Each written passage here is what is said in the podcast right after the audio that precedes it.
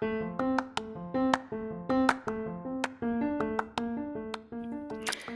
og velkommen til podkasten Spareglede, og til mitt ukentlige, litt ovale kvarter om økonomi.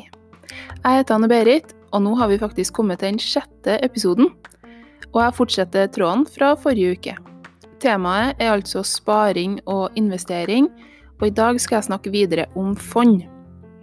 Ehm, og jeg snakker til dere som er unge, om hvordan dere bør spare for at pengene deres skal vokse best mulig.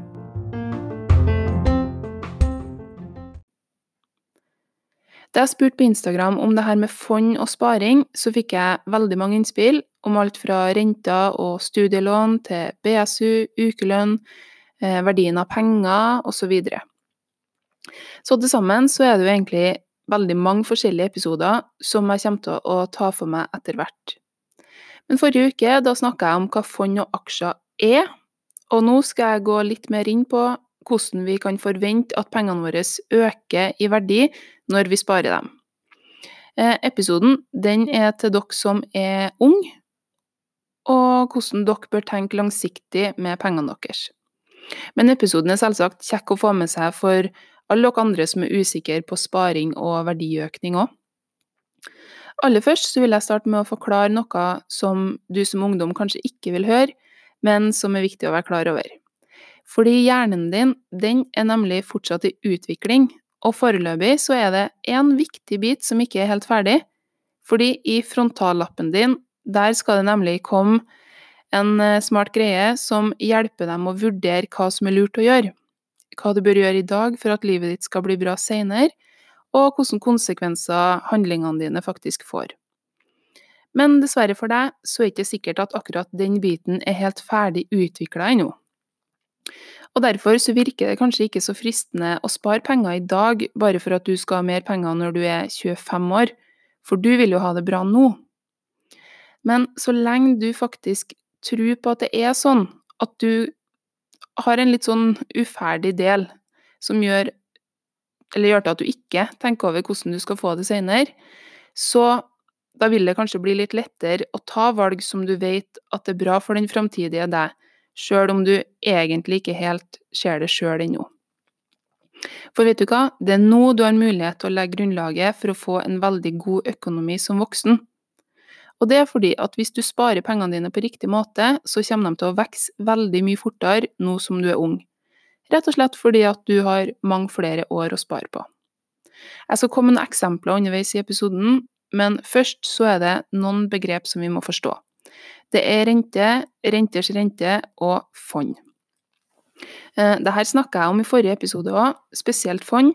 Så hvis du er helt blank på hva fond er, så anbefaler jeg deg å høre på den forrige podkastepisoden.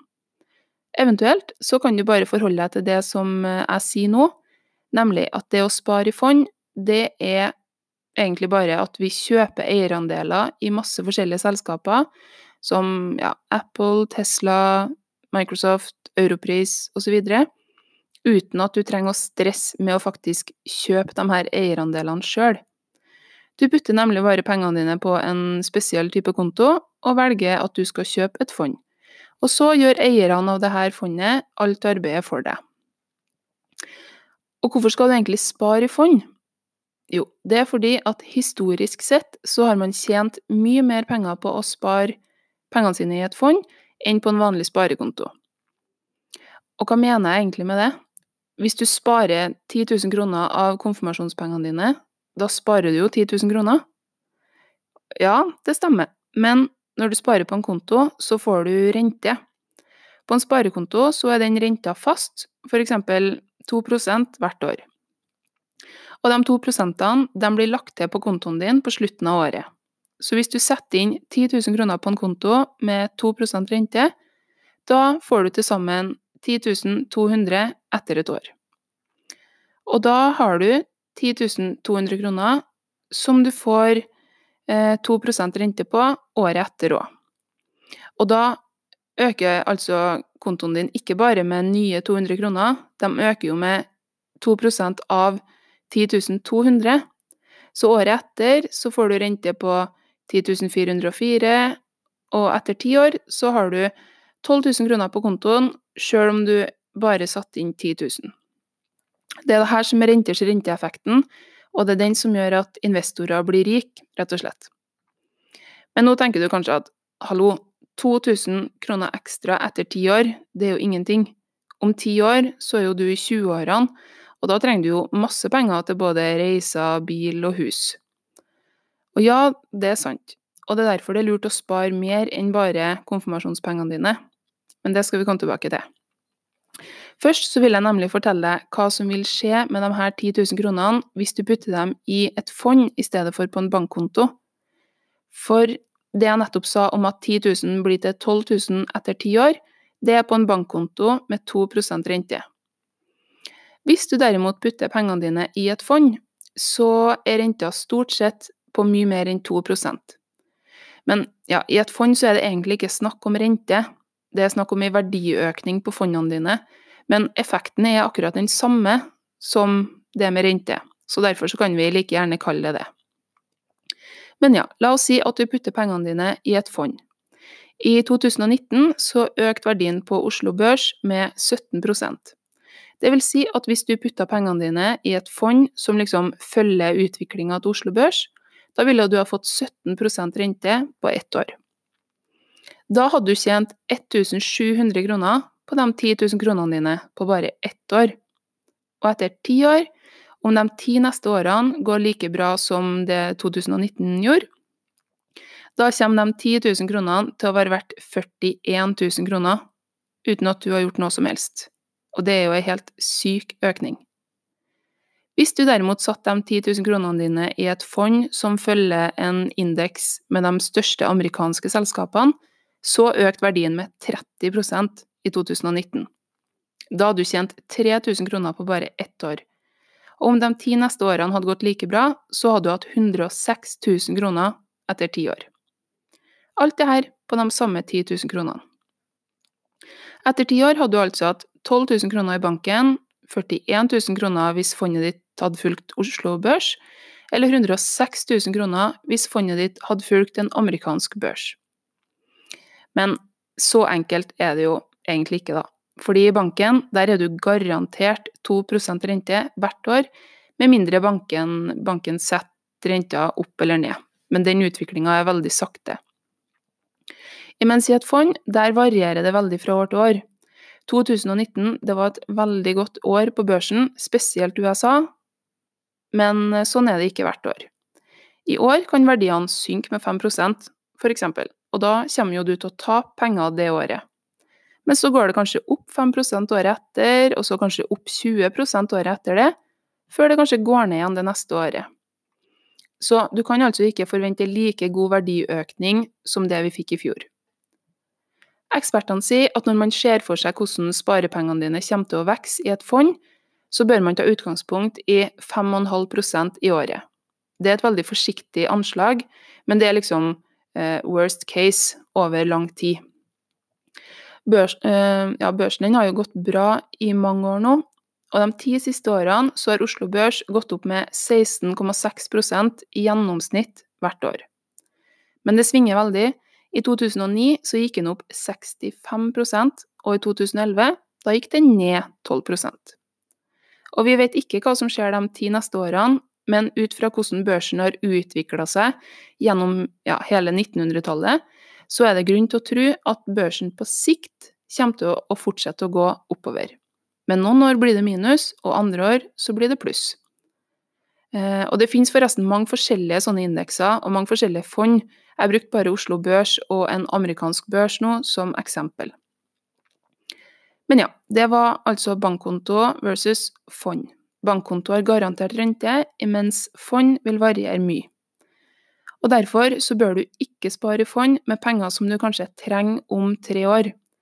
Fordi hvis børsen plutselig er ned i året, da må du ta ut pengene dine når fondet ditt ikke er verdt så mye. Derfor bør du bare putte de pengene du ikke trenger, før om en sånn fem til ti år i fond. Fordi at over såpass lang tid så kommer den samla utviklinga på fondet mest sannsynlig til å være positiv, sjøl om noen av disse årene sikkert kommer til å gå dårlig.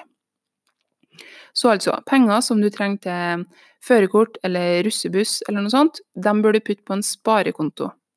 De beste kontoene de har 2,3 rente i dag. Det er ikke så mye, men da vokser de i hvert fall jevnt uten risiko. Men de pengene du skal bruke om lenge, til bolig f.eks., de bør du putte i fond. Men så spørs det, da, bør ikke du heller putte de pengene i BSU, altså boligsparing for ungdom? Jo, hvis du tjener nok penger til at du betaler skatt, så kan det være lurt. For det er det som er bra med BSU, bortsett fra at ja, renta er god, den er jo på um, over 4% i en del banker. Men det som er ekstra bra med BSU, det er at du får tilbake 20% av den summen du har spart i fjor, eh, i noe som vi kaller for ei skattelettelse. Men det er bare hvis du faktisk tjener nok til å betale skatt. For hvis du ikke har betalt skatt, så finnes det jo heller ikke noe skatt som du kan få igjen av, hvis du skjønner. Så BSU det er først når du tjener så mye at du betaler skatt. Det finnes òg noe som heter BSU Start i en eh, bank som heter DNB. Der kan du sjøl, eller du kan spare i denne BSU Start sjøl om du ikke betaler skatt, eh, og renta er på 3,2 i dag. Det er jo bedre enn renta på en vanlig bankkonto, men det er mindre enn hva du kan forvente å få i et fond. Dessuten så må de her pengene brukes til å kjøpe bolig, du kan ikke velge å bare reise for de pengene, liksom. Eh, og kanskje vet ikke du hvordan livet ditt vil bli. Kanskje ender du opp med å bo på et helt annet kontinent og leie ei leilighet i en stor by et eller annet sted. Da er det jo litt dumt å ha masse penger låst på en BSU-konto. Men det vet du jo best sjøl, om du ser for deg å bruke de pengene på bolig, eller om du tror du kanskje vil leve livet ditt på en helt annen måte. Så det ble mye om fond og verdiøkning, men jeg tror det er viktig å ha det her i bunn når vi skal vurdere om det egentlig er noe vits i å spare penger. For du som kanskje bare har 100 kroner eller 200 kroner å spare hver måned, er det egentlig noe vits i å spare det? Hvis du sparer 100 kroner i et fond i ti år, og vi regner med denne beskjedne verdiøkninga på 5,5% da har du 16 000 kroner etter ti år. Hvis de ti neste årene blir likens og like gode da, som de ti siste årene, da kommer du til å ha 28 000 kroner etter ti år. Og da tenker du kanskje igjen, det er jo ikke nok. Du kommer ingen vei med 28 000 kroner om ti år. Men du, alternativet, hvis du lar være å spare, er jo at du har null. Og 28 000 kroner om ti år er veldig mye mer enn null kroner om ti år. Men så er det et annet poeng òg, som er like så viktig, og det er nemlig det å lære seg å spare. For hvis du begynner å sette av 100 kroner i fond nå, så begynner du kanskje å følge med litt hvordan fondet utvikler seg, og du lærer deg å ikke bruke opp alle pengene dine. Du vet at 100 av de her kronene, de skal spares. Eh, men så går månedene, og du ser at uh, det her går ikke så veldig fort. Pengene vokser ikke så fort som du vil at de skal vokse. Og da er det mye større sjanse for at du velger å øke sparinga di, enn at du slutter å spare. For du kommer til å finne ut at det er så digg å se at fondskontoen vokser, og du kommer til å bli gira på at den skal vokse fortere. Og da virker det kanskje plutselig ikke så verdt det med den der iskaffen hver eneste dag i lunsjen. For du regner kanskje fram til at én iskaffe til 20 kroner hver dag, det er 190 skoledager i året, det er 3800 kroner på iskaffe på ett år. Hvis du dropper alle iskaffene i ett år, sett de pengene i fond og lar dem stå der til de er ti år, eller i ti år, da har du 6200 kroner hvis uh, børsen går sånn worst case med 5,5% hvert år, eller du kommer til å ha 15 000 kroner hvis de ti neste årene blir like gode som de ti siste. 15 000 kroner, som egentlig bare var 3008, og det var bare iskaffen. Tenk på alt det andre du sløser penger på. Um, men ja, de 10 000 kronene i konfirmasjonspenger som blir til 40 000, og den der iskaffen som blir til 15 000 Du har jo fortsatt ikke noe råd til noen leilighet av det.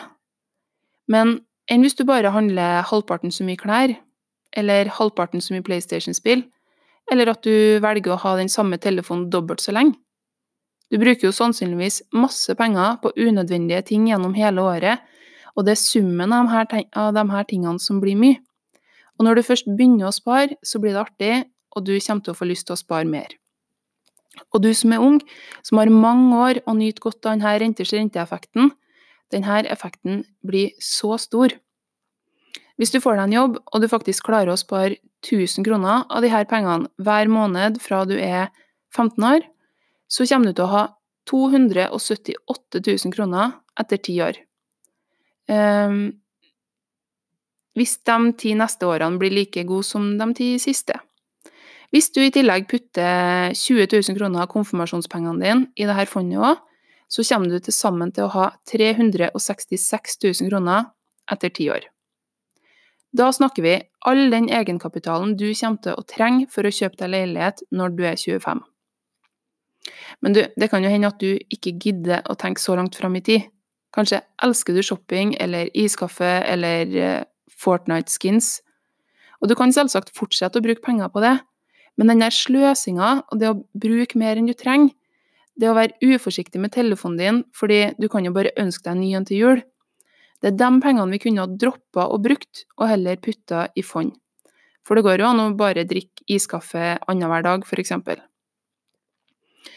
Det er ikke så lett å tenke sånn, for som sagt så er det ikke sikkert at hjernen din er så opptatt av konsekvenser eller av hvordan livet ditt skal være om ti år.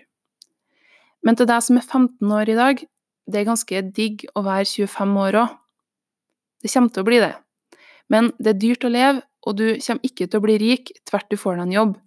Du må ha spart opp noen penger for å få deg lån til hus, eller penger til å reise, eller til å kjøpe en fin bil. Du kommer til å trenge penger til ting som er mye viktigere for deg enn hva denne iskaffen eller eh, Holsweiler-genseren er i dag. Ja, det ble mye om verdiøkning, og kanskje syns du det ble mye tall og renter og prosent å forholde seg til i denne episoden. Og hvis man ikke er så glad i matte, så kan dette kanskje høres veldig tungt ut. Men du trenger, du trenger ikke være god i matte for å tjene penger i fond. Du trenger bare å la være å sløse så mye, sånn at du faktisk får litt penger til overs som du kan putte i en sånn der aksjesparekonto. Og så kjøper du et fond for de her pengene, og så er det bare å la sparinga gå automatisk til at du skal kjøpe deg hus eller reise jorda rundt.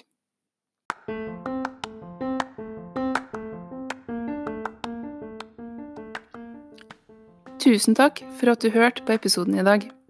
Om du hører på gjennom eh, Apple Podkast, så blir jeg kjempeglad hvis du vil gi meg fem stjerner og kanskje en kommentar. Og gjerne vis denne episoden til andre som du tenker at kan ha godt av å høre om hvordan penger faktisk kan vokse. Da håper jeg vi snakkes neste uke. Ha det bra så lenge.